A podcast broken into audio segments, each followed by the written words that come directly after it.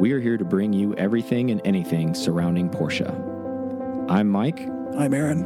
and this is P Car Talk. All right, welcome to another episode of P Car Talk. I'm Mike. And I'm Aaron. Let's go ahead and thank our people. We got a long show. Let's do it. We got Sriracha Boy Club members. We got Scott H, Sander A, Cody W, Aaron L, Javid V, Kalen R, Sean H, Matt W, Carl K, Sunkit P, Chris S, Steve J. The hitters. Then we have Sriracha Boys. We got Matthew G, Brian R, Matthew M, Nikki F, Todd M, Richard P, Michael L, Ray L, Robert W, and Kenneth S. Yeah, yeah. And then we got Brandon J, Eric A, Robert G, Santiago H, Sharon C, Fernando F, and Bryce C Yeah, for our yeah. producers. And then we have one renewal. We got James S. Thank you all, and thank you for joining. And how can they join if they're interested? They can do it by going to patreon.com forward slash PCAR Talk. And then there's only two options. Trim, trim it down for people. Making it. Doing the KISS method, right? Yep. Keep it simple, stupid. So we also did it. Not only does it trim down to two two tiers, it's also the membership. The, the I was able to adjust the numbers finally. So 150 is our cap for Okay. the for the club. All right. So go ahead and get that locked in. That way you're eligible for the drive next year. Um, eventually, I think what, since a lot of people are combined, what we may try to do once that max out, um, don't hold me to this, but Aaron and I will talk offline about it. We are eager to eventually have a spring trip, but in order to do that, we have to have enough for both because essentially the spring trip would be for maybe people who didn't make or, or went to the fall one and couldn't make it and they want an option at the other one. So we'll figure out a way to do that, but you guys got to pump that up a little bit more. I'm going to leave that in your court. You make that happen. Um, you'll be eligible to go on both. It's not like you were- can't come to the spring one if you come to the fall one, but I just wanted to maybe if we put more in the rotation, we'll be able to get more opportunities for some of our members. And um, spring may be better for fall than some other people. So we'll go with that. All right. So Macan EV pushed back to 2024. I'm not really surprised by this. Um, i- originally 2023, I thought that was a little bit aggressive as far as the time frame on when that was going to be, and that wasn't going to be a reveal in 2023. That was going to be delivery. Um, so good or bad, depending on what side of the fence you are, and if you're pro EV, I guess this is a bad thing. If you're anti EV, I guess this is a good thing. It doesn't matter to you, right? Let's keep the ice going, right? There, Porsche's claiming software issues with the vehicle um, is why they're being why it's being pushed back. Um, I'm thinking probably that and actually hardware issues too, because I'm thinking they're probably having chip issues still. Probably still supply chain, yeah. Yeah, That's that's possible. I mean, and I mean, if it's hardware, you think they had it worked out if it's really going to be a skateboard method with the Taycan. Yeah, but I But, uh, guess there's only a handful of companies that make these Yeah. microchips, right? For But the now they're trying to 4x that by having the same platform yeah, how many ever times. so The, they haven't said anything about the Caymans or the uh, Boxsters. No, this was just a release on the on the Macan, um, and I I think, I mean, based off of just similar vehicles that are out there, and I guess this would be Model Y territory essentially. Um, those things sell pretty well, so I'm sure once this thing is available, they're going to have probably a wait because a lot of people are going to be ordering one. Yep. I'd be shocked if a lot of dealers weren't actually doing a little bit of pre-order stuff with these things. Um, kind of how Tesla did theirs, or something like maybe to that effect, where it's like, hey, you're not you're not getting it till then. But I'm surprised we haven't even seen anybody being able to take orders on these yet, or I wonder if any Porsche doesn't information. want it, doesn't want it to happen until they can start supplying it. Probably, probably. Um, I'm sure as we wind down 2023, the the people in the know will probably be at least, hey, we can start taking orders. Yeah. Originally, didn't we say it was going to be 2024? And then they bumped it up 2023. I think actually even two years ago, I think they were shooting for 2025. To be honest with you, Yeah, something like that. I I and like then was it pushed up a year, out. and then it pushed up another year, and now it's back another year. So They'll hit that 2025 goal.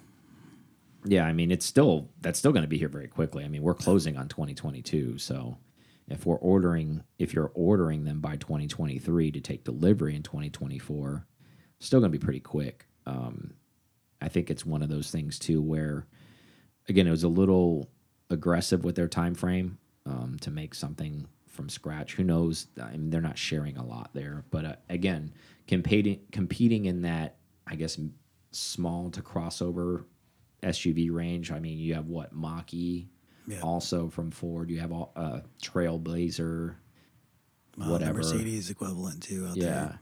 So they're, I'm sure they're trying to get it out there because they're uh, that that grouping is pretty solid. There's a lot of stuff out there, and I'm sure it's selling pretty well. I don't pay attention to that stuff, but I'm sure it's doing well. But neither here nor there, and just information for for the masses.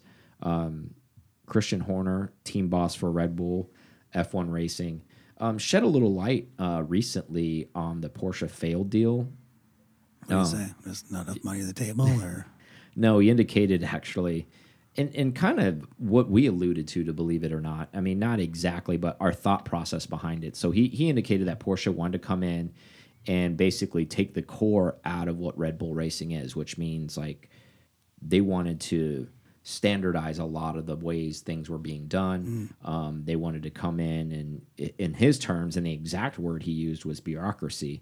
Uh, Porsche was going to bring that into Red Bull, and he feared that was going to take out a lot of Red Bull's energy, their creativity, and the way that they do things there. So they were basically going to turn it into a corporate structure of the racing that they do. They were probably going to give stability to it. So, depending on what side of the fence you're on with this one as well, um, if you've worked in the corporate world, you can understand the red tape and maybe be on Christian's side with this and say, hey, you know, if you've worked at a place, it's probably impossible to get things done because 10 people have to approve it. Um, you know, you're kind of like the guy in uh, office space, right? like, eight different bosses, got- yeah, I got eight different bosses. Hey, did you know you got your TPS reports? You didn't. You didn't turn that in. I know. I got it.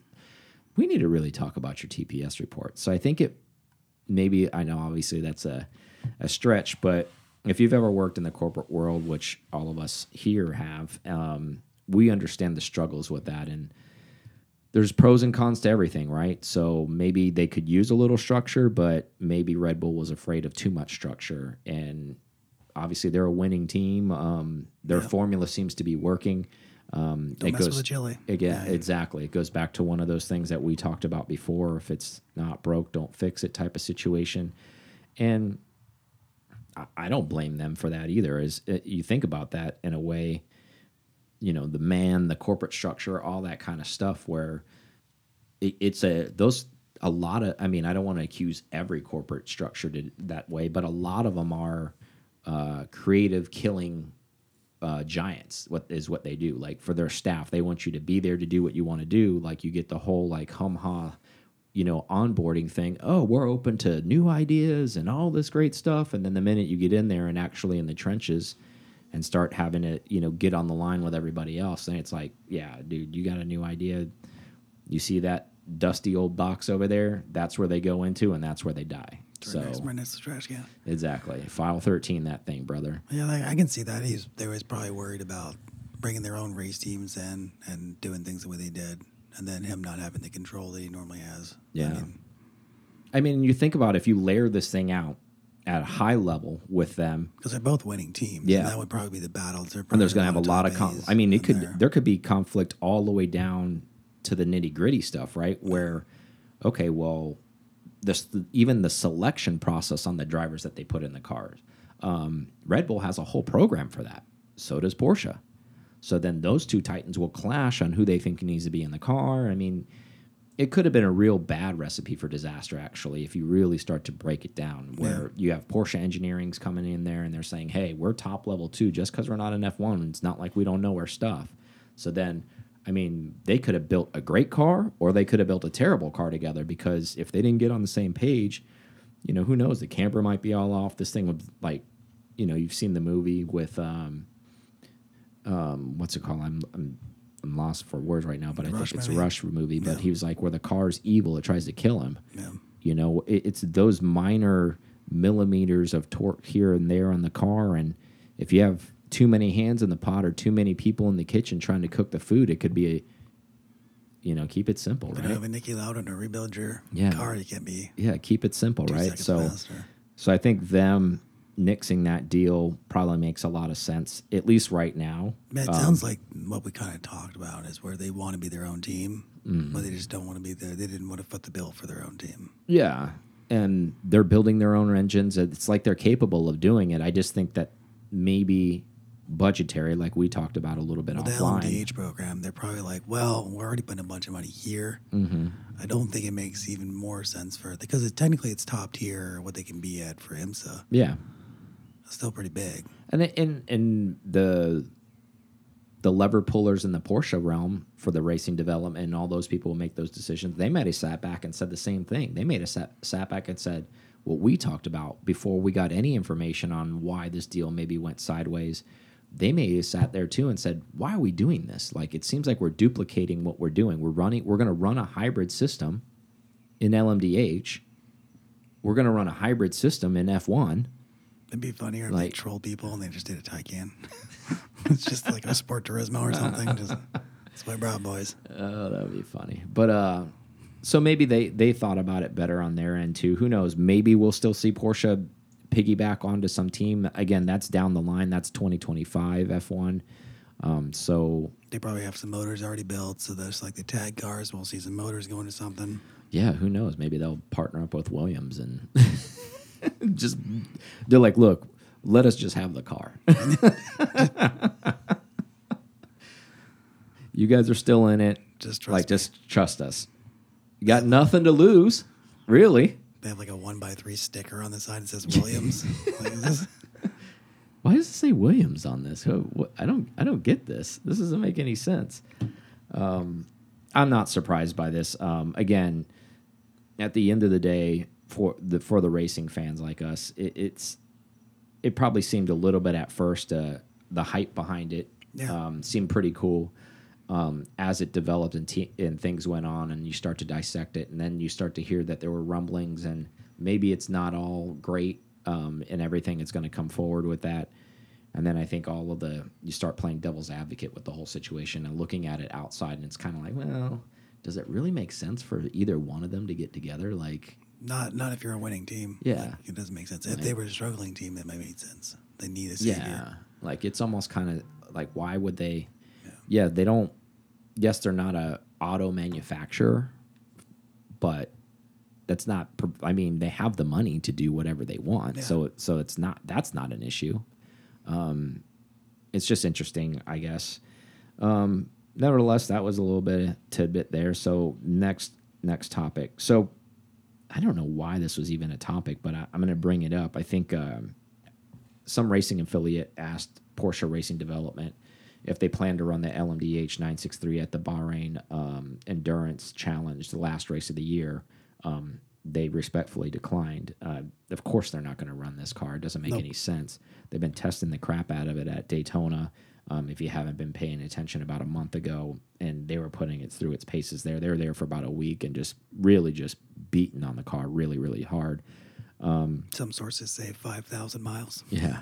Mike was telling me that. it's it's one of those things where I know Peugeot and other people have taste, uh, tested their cars in some of the endurance challenge races where they're eligible to just test. Um, but Porsche's not one of those types of Yeah. places. They don't. They don't. It doesn't make sense either. They Yeah. have Weissach, they've got Nürburgring, they've got Hockenheim, they've got Well, even from a Spa. competitive I advantage, mean, like what what what would be the benefit of that? The car's not eligible to do anything other than other than other than trying to test it, which we saw. I, I forget was it Spa that that Peugeot ran the the their car for a little Yeah. Bit at Spa and then retired the car after like four hours or something like that. I know that's only gonna be an advantage to everybody else watching Exactly. the car. And then and the only the only way I could see is maybe if you sandbag the car is the only real advantage I would think because and then it's almost kind of like what's the point, right? Why go why to go sandbag the car? well, it might be different. Well, that it could be for the drivers too. You don't know how they're how they're used to being. If they're not used to being in the car with other traffic, Yeah, just true. to get them out there and um, in that atmosphere. Yeah. That's true. And Spa's not the easiest track. Yeah, I mean it could be just as basic as visibility, right? Like on the car, like working on vis, who knows. Um yeah, but I Some I- once I read this, there was I I'm not surprised at all with this. Porsche's always about keeping strategic advantage at to everything. It's almost I would compare it to if you're a football fan uh, American football fan, it's like the Patriots listing basically all of their players questionable, even if they're not questionable.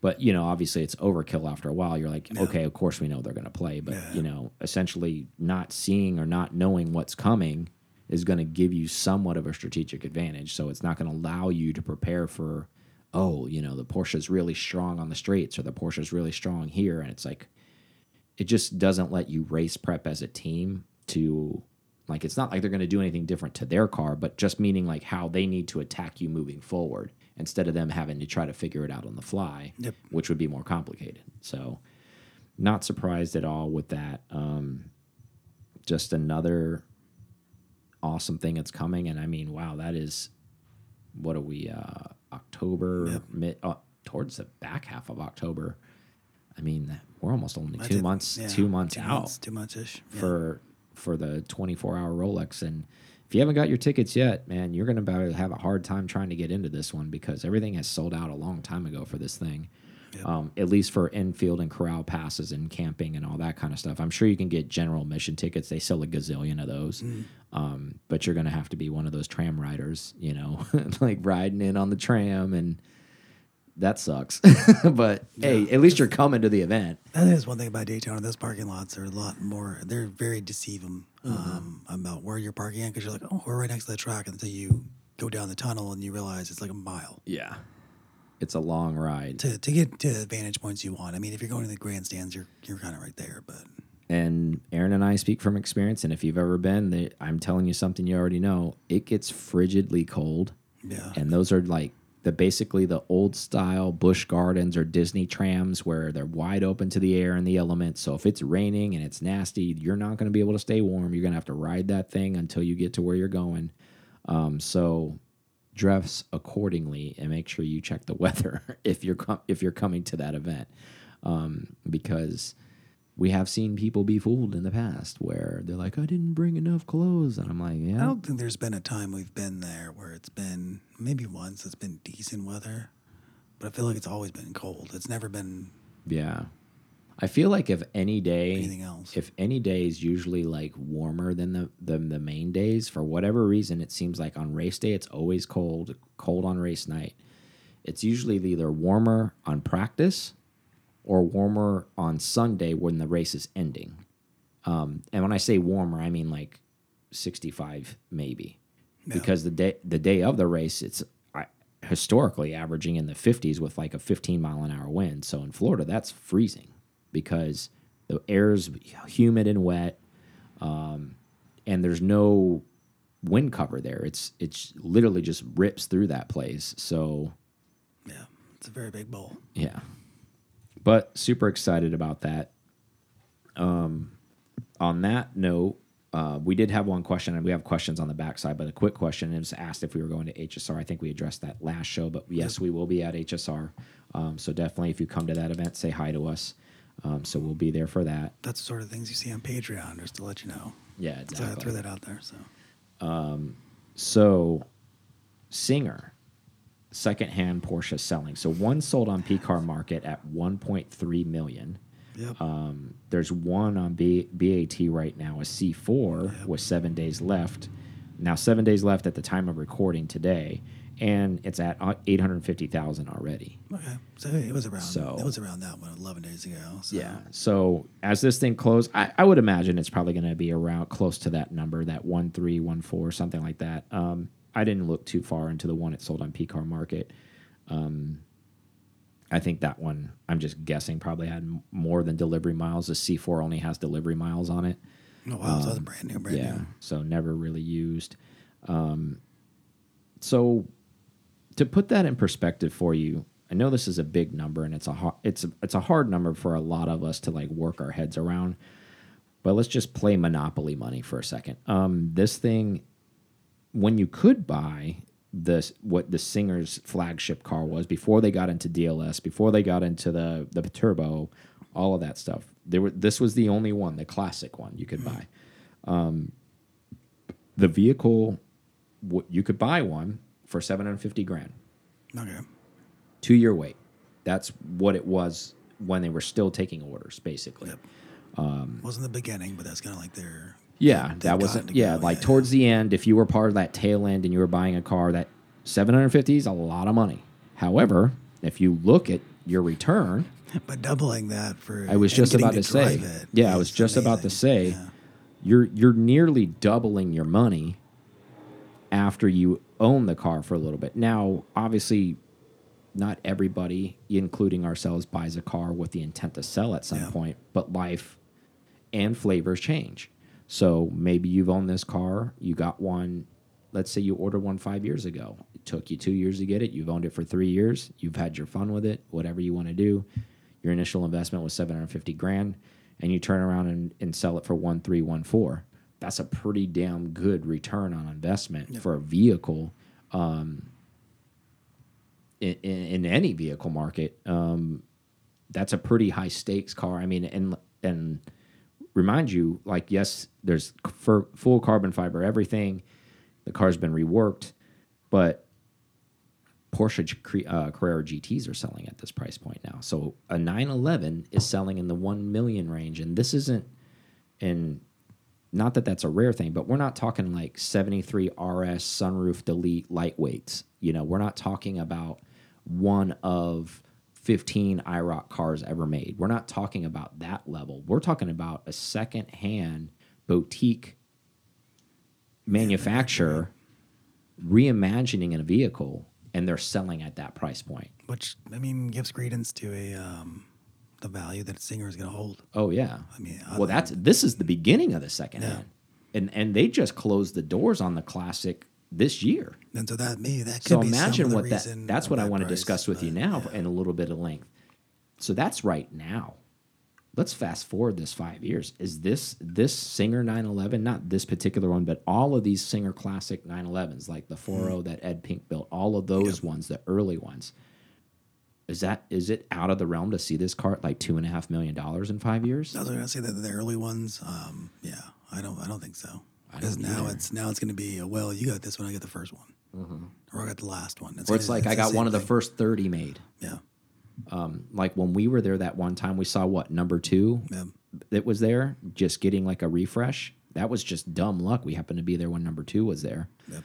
Um, and I think number seven was there getting a refresh also. So super low number cars. Um, let me ask you this: If you got in at that number and you had that car, Would I get out of obviously number? Well, well, I'm just saying, like, okay, and, and it's hard to, The problem know- is now you're not going to get back in. yeah. The the, That's, the that's thing is, is conversation. the you know we can't do the hypothetical what the five year number is but let's just take the one three right now say you had one at 750 and you've had it for a few years but what you do do you do is do you keep riding the singer train though? Because what you can do now because they are taking allocations for turbos do you sell your na car for one three and take the money and go buy a turbo one? And then keep playing that game with stuff that they make. Yeah, and instead of the GT allocation through Porsche, you're playing the Singer allocation now. Which definitely, yeah. It seems like there's a it's a higher stakes game, but there's a higher reward. It seems like is with that game as well because the production is way lower. Yeah, I mean that's assuming you can get one, and if you haven't, I, I would. Well, I would that- imagine if you bought if Yeah, you yeah, if yeah, you were on the yeah. list to have the other one, That's what I was gonna say. I don't think they. I mean, I haven't seen any articles on it. Maybe it, they keep it inside baseball, but it doesn't seem like Rob Dickinson and his team criticize his customer base if they buy one and they turn around and flip it. It doesn't seem like Yeah. there's any shaming. There's no or blacklisting anything, anybody. Um, so if you're playing that game, which, like I said, is a high stakes game, and you happen to have one, now I'm putting you in the driver's seat of that. Do you sell your NA car and do the turbo car now? Do you do that? I do like the way that turbo car looks. It looks awesome. it looks really, it looks really good. It looks awesome.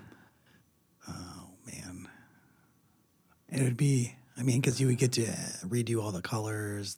If you, I guess I might. I might. I probably would go for the new new just because I was able to get my money out of it Yeah. and get a new turbo, and then anything I didn't. And who like about- knows? And and if if you got the turbo, um, maybe you make you the last car made enough money it pays for the turbo. Yeah, I mean, I would maybe. Maybe is what I'm saying. Maybe.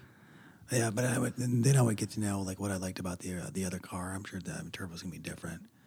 Uh, but as far as color wise and maybe suspension and Yeah, maybe, you, know, get to do all that again. I think I would do it. I think it's a cool thing. I think I would do it because it'd be kind of cool to to keep up. I guess maybe have the newest the newest engineering yeah, that they thought and about. now you've bought another singer, so Mm-hmm. you've you've deepened your relationship with singer again. Yeah. regardless if you move the car to get that. DLS life. Can't yeah, get, can't get well, the you're not going to get way a to get DLS, but maybe now because The- you've the bought both, one. whatever the next next secret sauce comes out, Mm-hmm. maybe you're one of the first ones on that list now. There'll be a DLS Turbo Edition. Get ready. Maybe Oh, who knows? Um, it'll be something interesting. I would definitely do it.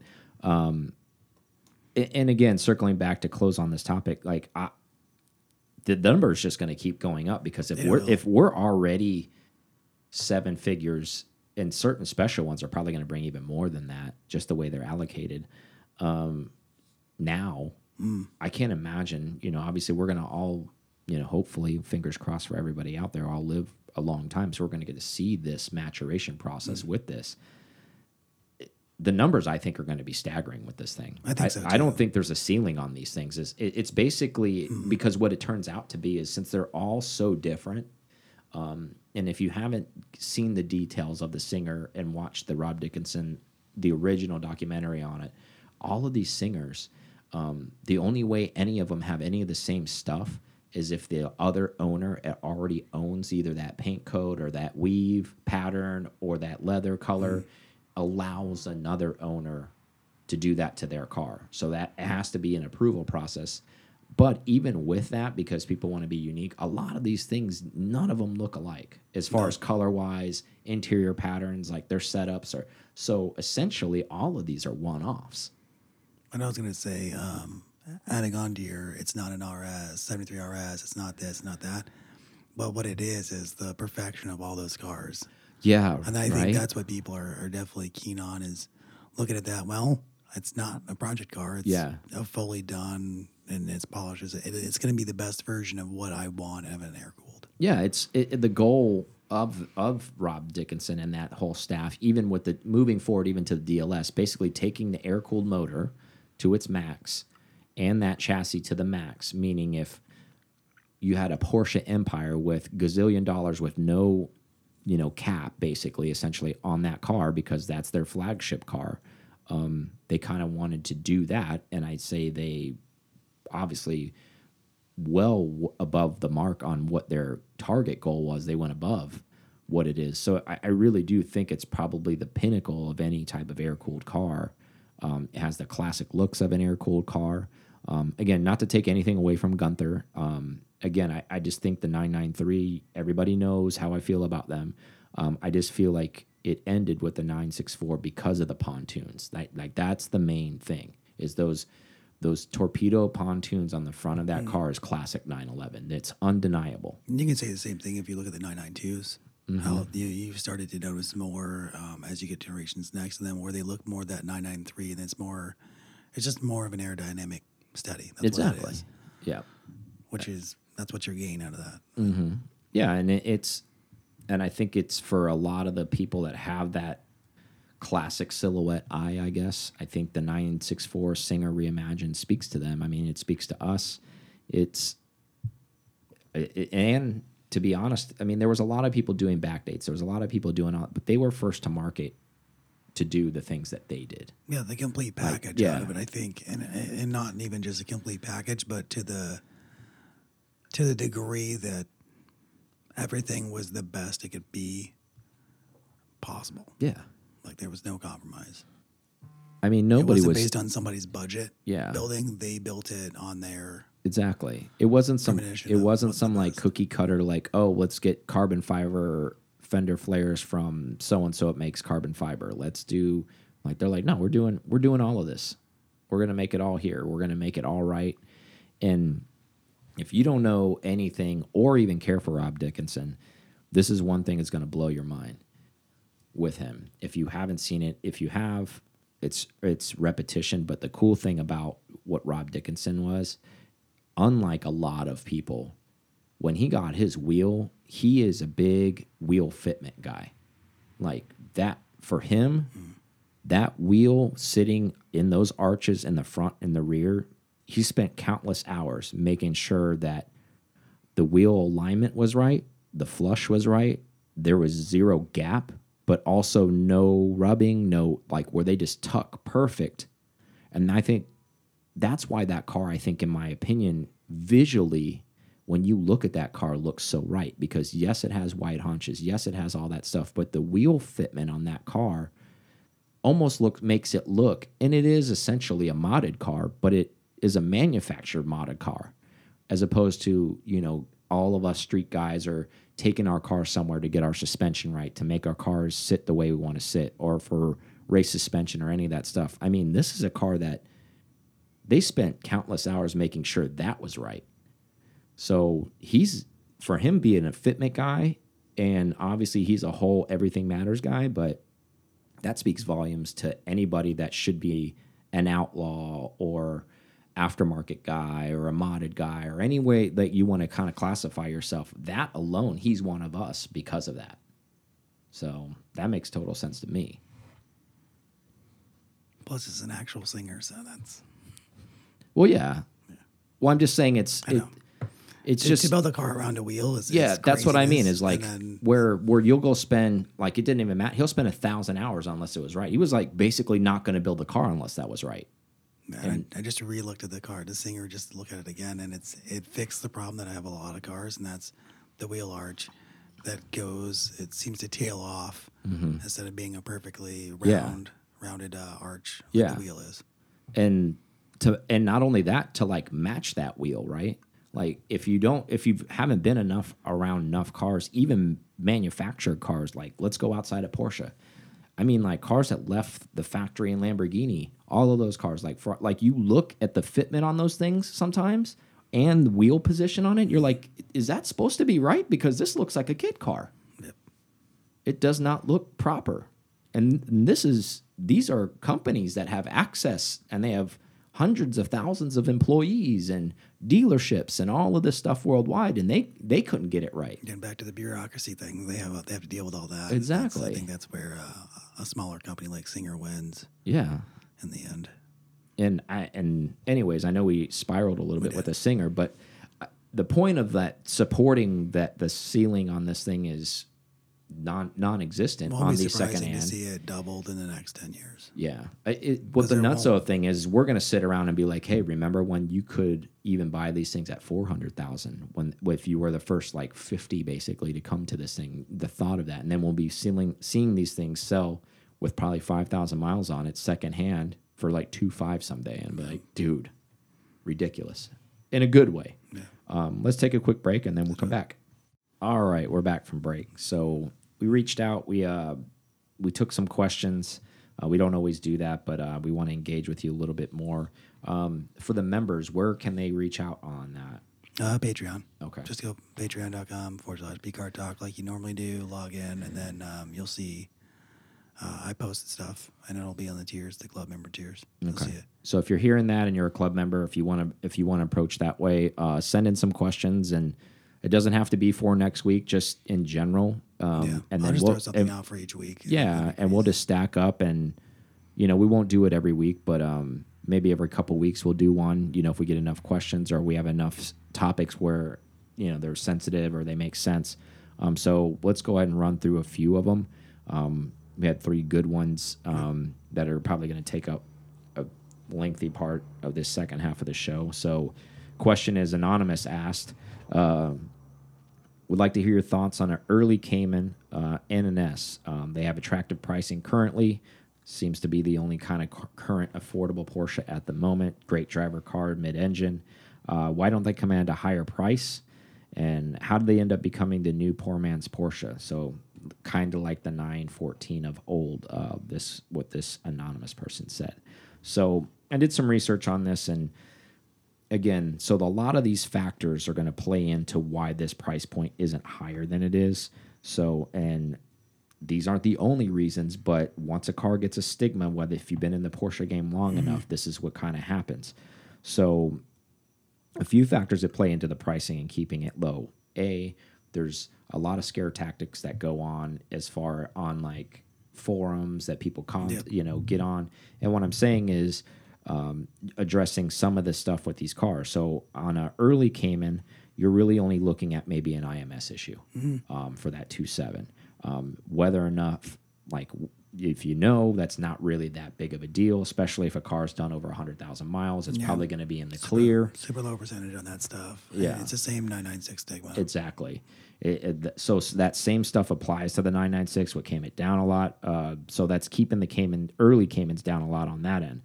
Um, Cayman S, two issues: IMS and bore scoring.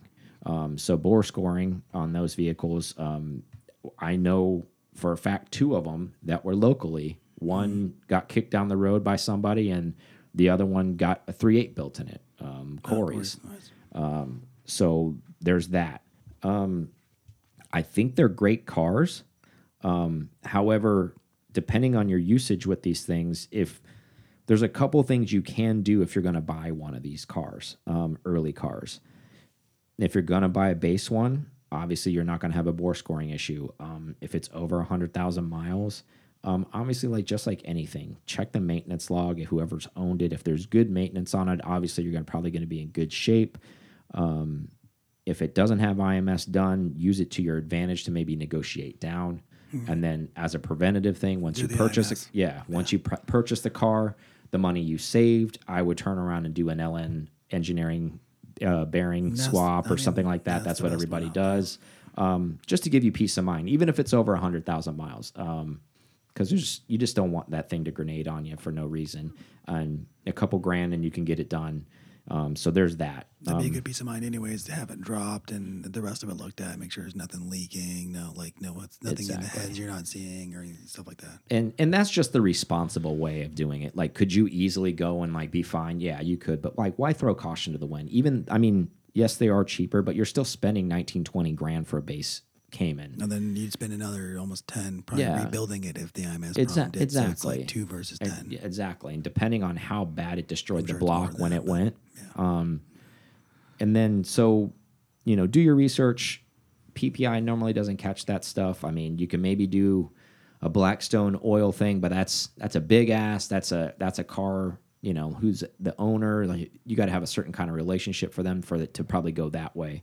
Um, now with the Cayman S, um, you're looking again at bore scoring. A couple ways to prevent that. You can easily go to the Carfax history and see where this car was registered. If it lived in a cold climate uh, all its life, you better believe there's probably going to be some bore scoring on the car. Um, now it could be addressed already. Um, they could have sleeved the car already, and you could be good to go. Um, if not, you could easily have a borescope test done on your PPI. You're gonna have to pay extra for that. That's not a standard thing that's done um, to weed the car out. But again, you know that car runs a little bit more premium. I would say low twenties for an S. Um, again, high mileage cars. Maybe you might be in the clear. Maybe you're not because a lot of those times with that bore scoring, especially if it's just starting, um, you're not going to really be able to pick it up. I know if it's it's pretty strong, you're going to hear it ticking, almost like a valve tick with that, because when it's making contact with that cylinder wall, it's going to make that tick noise. Um, but again, it goes back to if you if you really want the car, and then you're going to have to go eventually. Even if it doesn't have bore scoring when you have it, and it's over hundred thousand miles, and you buy it in a warm climate, should you still go get it sleeved? I say the answer is it depends. It depends on how long you're going to keep the car. It depends on what you're going to do with the car. If you plan on keeping it for a long time, it's kind of a no brainer to go get it sleeved. Yeah. Uh, be preventative about it um, before it totally grenades on you. Um, so, long story short, yes, it is a great price point. Um, yes, it's a great place to to buy a car, but there are some some niggles with it. So I think that's why that price has stayed low. I think a lot of people are afraid and maybe not fully educated on what maybe needs to be done. So maybe some of that information I just give gave out. If you are interested in buying one of those cars, if you follow some of that advice, I think nothing's foolproof, but you're definitely going to protect yourself a lot more than Yeah, then if you just drive out, Then if you just risk it. Yeah, if you just risk it and, and and try to try to figure it out. And on the flip side, I think a lot of people selling the car know this as well. Yeah. So I think that it's hard for them to ask a higher premium if I if I'm an owner of one of those cars, especially an S, and I don't, I've never had the it's sleeved. I don't have an IMS bearing in it, and I own the car, even if it has 120,000 miles on it, and I'm selling it. Hmm. I mean, why are you selling it? Because I'm afraid it's going to grenade on me, and I don't have the money to do all these other things to it. So I'm trying to basically sell this thing while it's still worth something, right? So it's basically I want to pass this the grenade to somebody else, or I'll put air quotes pseudo grenade because again, this thing, some of these can run forever and not have any issues, and there's a lot of cars that fall into that percentage where the boogeyman of the IMS, the boogeyman of the the bore scoring. Um, is it real? Yes, but is it at the level that it's talked about? No. Um, but we can speak from experience. Um, we know a couple Caymans, and both of them were S's that had bore scoring, um, and you know it's just one of those things where And now they don't. yeah. And your thought process on this? Do you think this is a good buy, um, a Cayman or a Cayman S first gen? I think they're good. I think they're fun. I think that's the other thing too is it's not a 911, and so that holds a bigger, just back in your brain type thing. Like people are like, well, if I'm gonna get one, maybe I'll just spend a little extra and get a 911. That's probably the conversation a lot of people are having. Um, never driven like people never driven driving them is a big part of that too because they're fine. They're fun cars. Yeah. But yeah, I would agree. The IMS and the bore scoring are the same things that have held back the 996 and 997 Yeah. 911s. It's all it's all the same song. It's just different. The other thing would probably be too is like depending on the amount of ownerships. I feel like there's there's a lot of high mileage Caymans out there, a lot of several owner Caymans. That probably scares people away. Yeah. And also, I think it, uh, some of that stuff it scares people away with it too. It's just going back to, you know, it's it's first gen stuff, you know, and there's no reason for that. Not that it's bad or it's none of that stuff, but again, going back to, I don't know, like my father used to say stuff like this stuff all the time, and I'm sure your dad used to say stuff like this. You never want to buy a car when it first comes out. You always want to buy it after they've been making it for a while, meaning like a new model line. The You know, Model because- T, Dad, thanks. Yeah, exactly. It's almost like, a- and there's some there's some truth to that, but not to the excessive extent where, you know, maybe back in the day in the 80s and 90s Yeah. there was something true to that because a lot of stuff needed to be worked out. Meaning like, oh well, they didn't do as much R and D back then as they do now. Um, but again, if you apply that blanket topic to this car in a way, um, you could avoid the IMS stuff and the because of like and then Porsche realized it was an issue and it's kind of a similar thing with the the 996 right and then well then they carried it over to 997 so you know I guess it doesn't really work because it went a couple generations and they still had an issue with that.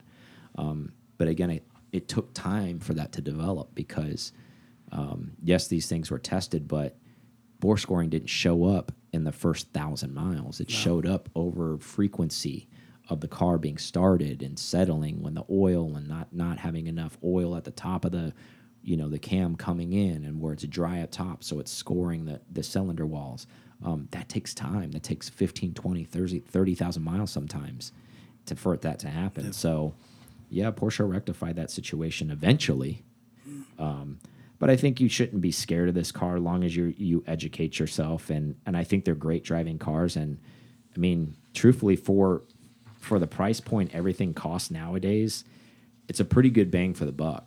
Oh yeah, and, and you're getting. I mean, you're not, probably not looking at it this way, but it's definitely starting to get vintage already. Like Yeah. So for better or for worse, depending on what camp you're in, body lines are soft on that car. Some people like that, and then that's that could be another factor why people aren't buying is because maybe it's not that aggressive looking because it is soft looking.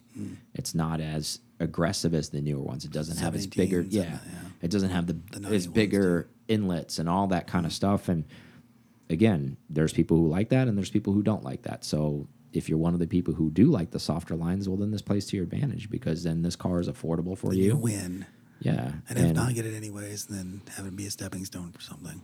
yeah, and I think if I would say if you're buying a car, it has hundred thousand miles on it, and you want to use it and have it have fun with it, I wouldn't treat this thing as like a.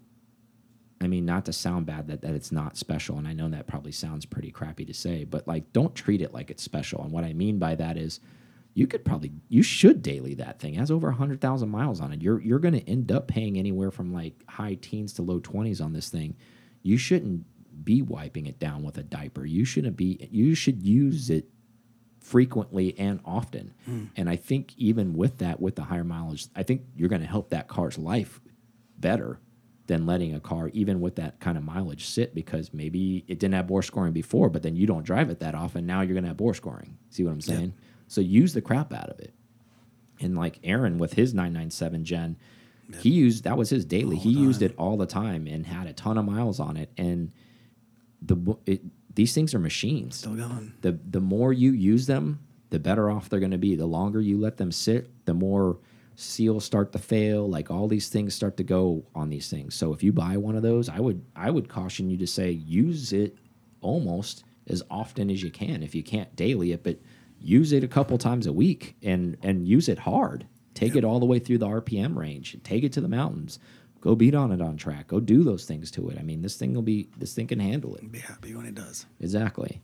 All right, next question from Lawrence. Um, we did touch on it a little bit last week, but I want to go a little bit in depth with it because I was able to read a little bit more of it. Um, so it may sound very similar, but we didn't really get into the depths of why, what you would get, and for the price point, and why he should stay away from certain ones that he put in his list and which ones he should get. So he said, if I had 100, 100,000 to 120, do I get a GT4, 991 GT3, or a 997.1 GT3? Uh, purpose of the car would be canyon driving, HPD, E stuff, um, and just all around fun car. So not necessarily a daily, but a, a purpose car to to use for spirited driving and things like that. Personally, right out the bat, um, I'm going to say all my stuff, and I'm going to tell I'm going to let Aaron go through his spiel of what he would pick and why on these. Um, 991.1 GT3, definitely stay away from that car. Um, not that it's a bad car, um, but I think for if this is going to be your fun car, manual cars already come into mind for me. So that eliminates the 991 GT3, um, and that's the why the why behind that one. Um, not that it's a bad car, but if it's just going to be a fun car, I would stick to the manuals. So that puts you at GT4 and 997.1 GT3. Um, I think the GT4 is a great car.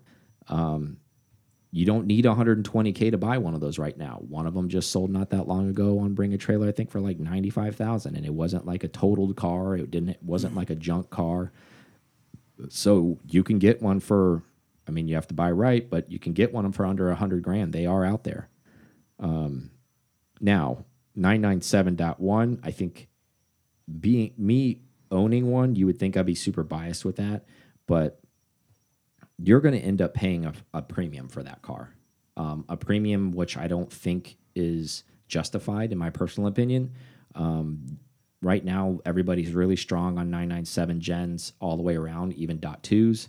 You're probably looking at 130 grand for a 997.1 For sure. GT3, and that's with like 75,000 miles, like a, high mileage car. Um, and everybody's chasing a manual Metzger right now. I I would just keep that out like in mind. If you really, really want to be there with one of those, that's fine. But I don't think that's where smart money's at in this in this particular situation. Um, I think smart money is at, at your first gen GT4, um, and I don't want to say they're a dime a dozen, um, but you, you can find one. Um, and especially with your price point and your price range, you're definitely going to find a pretty good one. Um, and you can be kind of picky about it too, which is nice. And you can find it. It's not even going to be close to high miles like the, like if you wanted a 997.1 GT3. I mean, the only way you're going to get one is a super high mile car. And not that that's a problem. Those Metzger engines are bulletproof. They can take a lot of mileage and be fine. You can beat on them forever. Now, I would caution you, and this is from I've never owned a GT4, but we have friends that have owned them in the past and currently own them. And some of them own GT3s now. Um, and the current owner that owns his kind of is talking GT3 talk already. Um, again, not that they're bad cars, um, but I think it's one of those like little brother factors. Um, so a lot of them still ultimately want a GT3. Now, if you're honest with yourself and you don't care about that and you don't think that stigma is going to bother you, then I would definitely still park it at a GT4. But that's a conversation you need to have with yourself because I think there's a lot of people that get them and I think they still want to be part of that GT3 crowd for whatever reason. Um, and again, another thing I would say, the another knock, even though it's still the bank, best bang for the buck, the, another little bit of a knock on a GT4 is the gearing. Um, you've probably heard that a million times. If you haven't, I'm telling you now. One they're million and long. one. They're they're long, long in the tooth, long geared. Um, so that's always been the kind of niggle with that car is the gearing is, has been an issue. So, but if you're going to live with that car and you're going to spend the money, you can go to SharkWerks and get that thing regeared, and it's going to be pretty pricey to do it. But then I've been told once that car is regeared, it's a world beater. That's what I've been told. But you're going to spend a hefty amount of money doing it. But again, but again, if you're looking long term and you're going to live with the GT4, in my in my personal opinion, that is a worthy upgrade if you're going to do that to that car and you want to live with that car.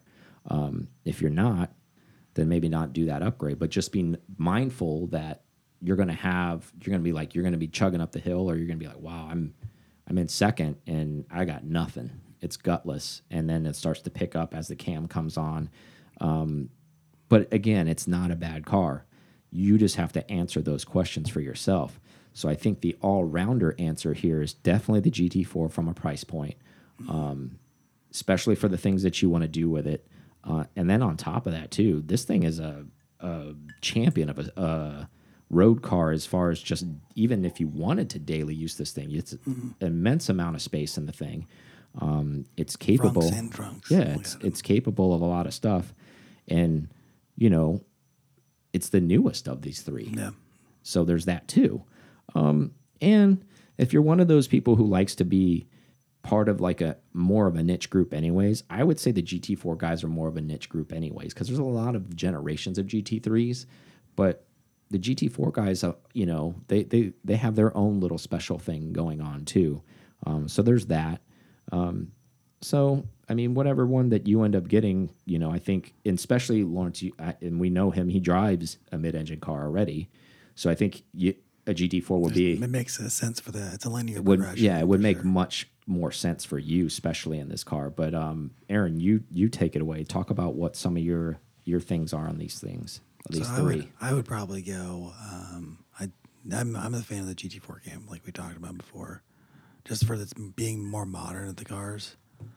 Manual is definitely a win there. Um, all the different modern, like rev matching, all the, all the things that it has that makes life a little bit easier to live with as a daily, if it's going to be a daily, even if it's not um, on track, that makes it easier. Um, GT4 just it's good. It looks good too. That's that's a big factor. Like it looks, it's pretty aggressive. Where uh, it sounds great. yeah, sounds great. That's it has all the GT things you want out of it, and it's newer, and the mileage is, like Mike was saying, is so so much lower than any of the, the other two cars that you're gonna get for the same price point. Um, the 991.1 would be cool on track, but and you can get a CPO now, so you can it further out than just the 10 year warranty that's on. So I mean, there's still that. Um, that's the only that I would go for it for the same reason. I, I think if you're gonna do what you're gonna do with it, um, it just manual just makes more sense. It's not gonna be if it's not the daily, Yeah, it's not gonna be that big of a deal. Even if it is a daily, it's not gonna be. That, I mean, the PDK to me is, is, is good, but the the finger follower issues with the 9M1 and all that stuff, there's still that that thing. It's gonna be in the back of your mind. Will it let go? Will it not let go? And then what are you doing? You know, if it's under warranty, great. If it's not, it's sixty grand decision. Yeah, exactly. For the 997.1s, it, they're great. They sound cool. they look good. I like them. I'm a fan. Um, but I do agree that I think the the pricing is is overshot for like performance. I think if Yeah. you really looked at if you drove GT4 to and the uh, 997.1 back to back, you'd be like, Yeah, I think you're you- buying a lot of mystique, right? Difference. Yeah. You'd- you- oh, for that- sure. That's when you'd be like, okay, well, now I see what the gearing's talking about. Yeah. That- that's something too. Like if you have the chance to do both or can go back to back, then you'll know what you're getting into. Yeah, and it's not for lack of engine, as you s- indicated. It's a gearing issue. Yeah. Like because that thing is a three eight, it should pull more. It's just the way it's geared. Mm, And the powers, the powers are similar. Yeah. So, um, but then, you're getting modern buckets. You're getting in the GT4. You're getting just I don't know. I just, I just feel like this creature comfort wise, and just livability over time. If the the Cayman having a Cayman is, is not a factor in your life, and you don't need a GT3 right off, and it just get the GT4 Mm-hmm. now and then get a GT3 later. Yeah. Yeah. Essentially, you're parking money, right? Yeah. So, Especially if you're getting something for under under six figures these days for a GT car is yeah. Phenomenal. and, and I, think- don't think that'll last. Do you? Like, I want to ask you that question. I don't think too. so either. And I, I think once people figure out what we figured out, I, I, I think the 981s are going to be the better buy longer term. I just think they're the more raw car Yeah. because there wasn't anything to be above it. There wasn't an RS coming. There wasn't anything. This is, I, they just look good. I don't like. I like the center exhaust. I, I don't like the. Mm-hmm. I'm the same way. I like it's just those little things that over time people start to catch. Well, the, for the guys that have the keen eyes looking at the cars, like okay, well this looks better. This looks better. Mm-hmm. That type of thing, and that ultimately does make car values go up. Yep. I agree. I totally agree. Especially if they continue to make GT4s moving forward and it's not center exhaust because the, the last gen wasn't. Mm-hmm. So if they continue to do that, the first gen's going to keep, I think personally, will be more special because of that. Um, it's going to share more DNA with a GT3. Be the only one that looks like that. Yeah. Yeah. So, you know, and again, I, I think if you're in a GT market, and this goes for anybody, not just for Lawrence. Like if you're if you're shopping a GT car, um, and you you don't have to have a GT3, I think you really need to go make a move sooner than later because eventually, I think even with the recession and all that stuff we're on, these are GT cars. I really think that there isn't more, much more room for these GT4s to fall. No, I mean, Um, for for example, to give you a um, across the board, there's a Spider at Porsche Clearwater right now that's for ninety four or ninety five thousand. Exactly. So to put that in perspective too, I was been looking at a 997 GT3 for a very very long time. 6 7 years ago, I was in that camp and they were hovering right around anywhere from 80 to 90. And I was like, "Oh man, like once they dip a little bit more, I'm going to get one." And that was the lowest they got. And now I'm not talking about for heavily used track specimens. I'm talking about like run of the mill. I'm not talking about blue chips. I'm talking about median cars. Cars that maybe had 30,000 miles on them that weren't grenaded, that weren't all chewed up. Those were selling for 85 grand, 90 grand all day back six, seven years ago. And I was like, oh, well, you know, just like normal stuff with the pre depreciation over time, I was thinking another year or two that car is probably gonna. I thought the the basement on that car was probably gonna be seventy, is what I really thought. And once it even got to seventy five, I was gonna try to be a player on it. It never even got there. And then that car went, and you've seen where that car's at now, and they're never gonna go back down below six figures ever again. Nope. So anybody who's thinking about a GT4 and they're thinking, okay, well maybe they're going to keep going down, watch it closely. They may go down a little bit more, but I don't think they're going to bottom out. This will never be an eighty thousand dollar car, in my opinion. They're just too good of cars to to cost that, in my personal opinion. Because if you're shopping eighty grand, and that's and that's available, those just all of them get bought up. So I just don't think they'll ever go that way. Mm-hmm. I think anywhere in the 85 range is you're you're flirting with the bottom. I think already at that point, in my personal opinion. Um, and before we know it, um, for all the factors that Aaron indicated and myself, I think this car is going to easily be back above a hundred grand before we know it. So anybody who's in that window right now, um, again, no one's cutting us any money to to sell you these cars or tell you all this stuff. We're just trying to help you save some money. If you really want a GT car and you want to spend sub 100, I really don't think there's much options out there to be honest with you. And then honestly keep this car. Spend s- spend the 15 grand it is to regear this thing. Hang on to it, save up some money, send it to SharkWerks and have it regeared. And then literally you're going to have it's going to feel like almost probably a 99 uh, 1.2 GT3 manual at that point because it's going to be way more responsive. The gearing's going to be way better. It's going to be mid-engine. That thing's going to move on rails. Its turn-in's going to be fantastic. I mean, it's going to be hard to beat that car for the money, even with another 15 grand on top of it. Yeah, it would be. And if you're serious about it, Lawrence, DM me because I know somebody that has one for sale. Exactly. That's fully done. So then, next question, Cody. What do you Yeah, uh? Cody's question was um, Is the 996 Turbo still the best deal out there? And I would say, no, it's the GT4. Yeah. I think That's, that that's an easy answer. For, I would have to Me. I would have to agree with that because It's so close right now. Yeah. 997 turbos, 996 turbos. It's not. I mean, it's not turbo power. No. And and I guess the answer always is, right? Like and I know it's horrible to say this, but it's the truth. It depends. It depends on what you want. It depends on what you want to do. Um, best bang for the buck, not necessarily, right? If you're really just talking dollar for for car, I think circling all the way back to Gen 1 Cayennes, maybe that's the best dollar for car. But if you're looking for higher end best dollar for car, GT4 um, because I think 996 turbos, I've seen them all over the place, but I'll tell you where I haven't seen them cheap. Yeah, that's true. That seems like there was that point, and then like anything else, Um, just like anything, the needle the needle went up. The each passing year, that car gets more and more classic. More and more people get on board for oh well, they those are GT1 headlights. All the naysayers before, or even people that were dormant, they might have been even naysayers. Maybe they just didn't even know that car existed. There's a lot of new people in the Porsche world, so that's a factor as well. There's a lot of new Porsche buyers even buying their first classic. And yes, I'm saying it.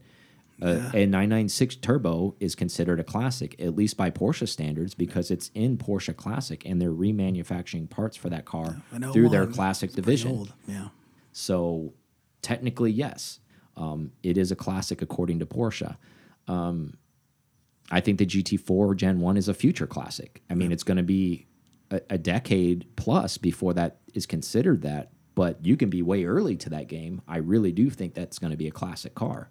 Um, because again, they'll talk about the same things they talk about everything else. It's We'll go the right back- size. It's Yeah. center exhaust. It's the and it's the first one. first one. Yeah, That's the biggest yeah. one. That's the first one. Yeah.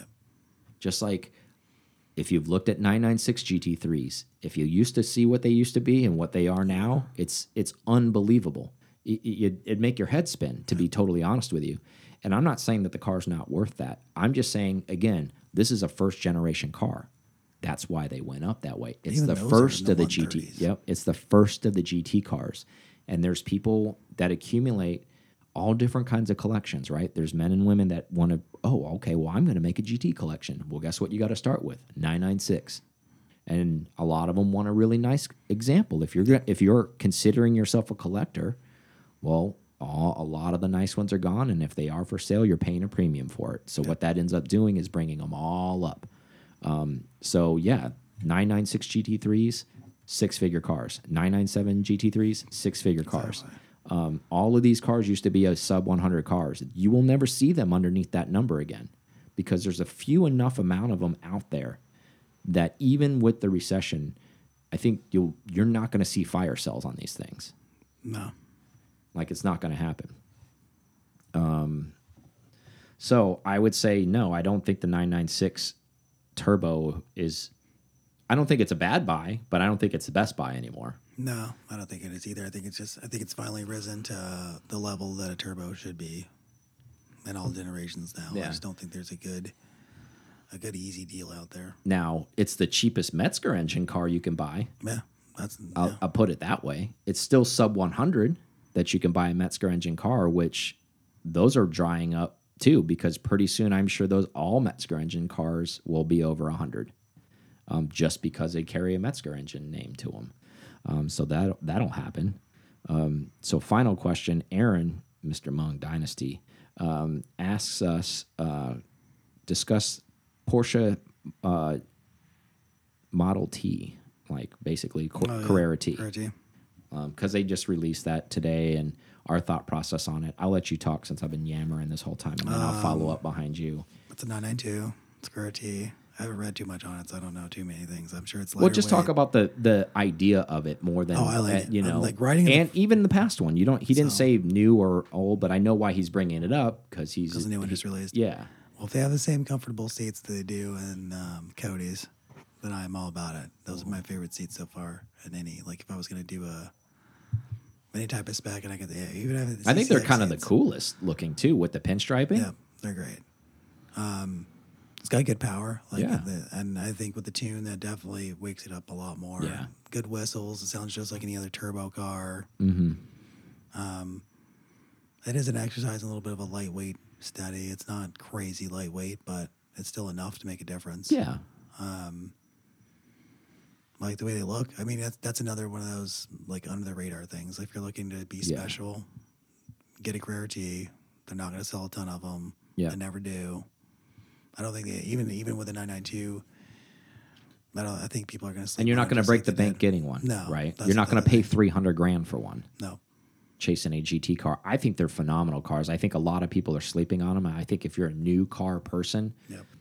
This is a no brainer for me. I, I to even a- said it when Cody before Cody bought his car, Yeah. and I think, um, if I understand him correctly, and I, I and I think I do, I think he said he bought that car because of we, the way we talked about that car Mm. before he owned that car. Um, that is a special car, um, not just his, all Carrera T's. Um, specifically the manuals, obviously. So it's a modern manual, got great power, like Aaron said.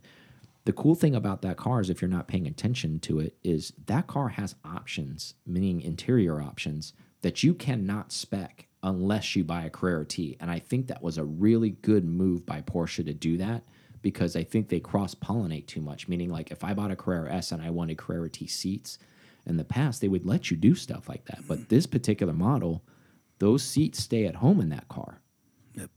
They don't let you put pinstripe seats in a Carrera S or a base Carrera, and you're like, "Well, I really like the T seats." And They're like, "Well, then you're buying a T because if you want that, that's what that's what you got to do." Um, and and I think even moving forward with the new one, I'm glad that they're they have that car again because honestly, I don't know what it is, and, and Aaron and I have talked about this in the past a lot before, and it's really strange to say this, but if you're a car person and you've been around enough cars and the, that kind of that car, even though it's you know we've all heard the Jeremy Clarkson thing, it's you know a hunk of steel, plastic, gas, you know, and all this other stuff put together in a motor, but I feel like the Carrera T carries kind of its own aura. I feel like it has that enthusiast spec like vibe to it. Yeah. And I know that was the goal for that car, and I and I'm probably speaking to a lot of people that already get that, but the people that don't get it, I'm speaking to you folks. That car has a vibe. Even when I see a Carrera T that I've never seen before, when I see it as a Porschephile and I see a Carrera T, I'm like, oh, that's a Carrera T. Like I actually don't even say that when I see a GT car. I'm like, oh, there's a there's a dot two. I don't even I don't even refer to it as a GT car. What it is, yeah. I almost say, oh, that's a dot two. Oh, that's you know this. Oh, there's a three RS. But like that thing has its own moniker, right? It's like, oh, there's a Carrera T. They really, I mean, and they say T is for touring, and that's pretty cool. It's a it's a pretty cool sentiment because if you think about it, it it very much looks like a GT3 touring. Yeah. like without Exactly. all the GT, yeah, every GT3. Well, things, that, that it's- super high very, revving very motor, but it's yeah. not weak. Yeah, it's got a strong three liter. still get like strong three liter. Yeah. Seat delete. Like I think that car is very, very special, and I think a lot of people sleep on that car. And again, you're not going to have to spend 200 grand plus 100, 100 over to buy one. I mean, I really, really think if you, and, and for me, and I, Aaron, answer this question for me. When you see one of those, and we see one of those together when we're together, because we go to a lot of these things, for me, and it, not- and I know this doesn't matter um, for anybody who's listening, but it doesn't matter. But it's kind of a cool thing to think. So the driver of that car, whoever it may be, whether I know him or not, but if I see a Carrera T, even if I see one parked, doesn't it kind of tell you a little something about that person? Like in your mind, you're They like, know- this guy know knows, yeah, for, for this sure. person, male or female, knows what the hell they're doing. Like when I see that car, that's that's the first thing that comes to my mind. I'm like, you got it together. Well, I mean, it's the easiest way to do what you want to do with a with a 911 without buying a GT car, Mm-hmm. because ultimately you're gonna do you were gonna want to do almost everything that's done to this car. Yeah. The lightweightness, the the buckets, the everything. I mean, maybe you do some suspension on it, but I mean, ultimately, it probably doesn't really need that anymore. Like take the two. I'm gonna take the two cars away, modern cars that in the 911 range that I know for a fact that you have interest in, hmm. and then I'm gonna tell you which one are you gonna pick, and I know you're gonna pick T. No Turbo S, no GT car. What are you picking? Gritty Exactly. all day, I and then you get a cool. You can get a cool color too. It's not even like it's. I, I think there's just so much opportunity where the the car is made the way that a driver would want it. I mean, turbo manual. Yeah.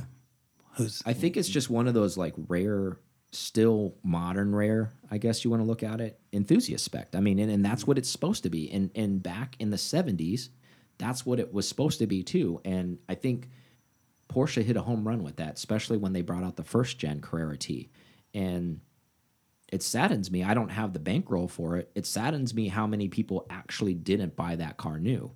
But if you haven't paid attention, go try to look at what those cars sell for secondhand right now. They're selling for more than MSRP. Mm-hmm. So, and those, and they're used. so, what's that saying?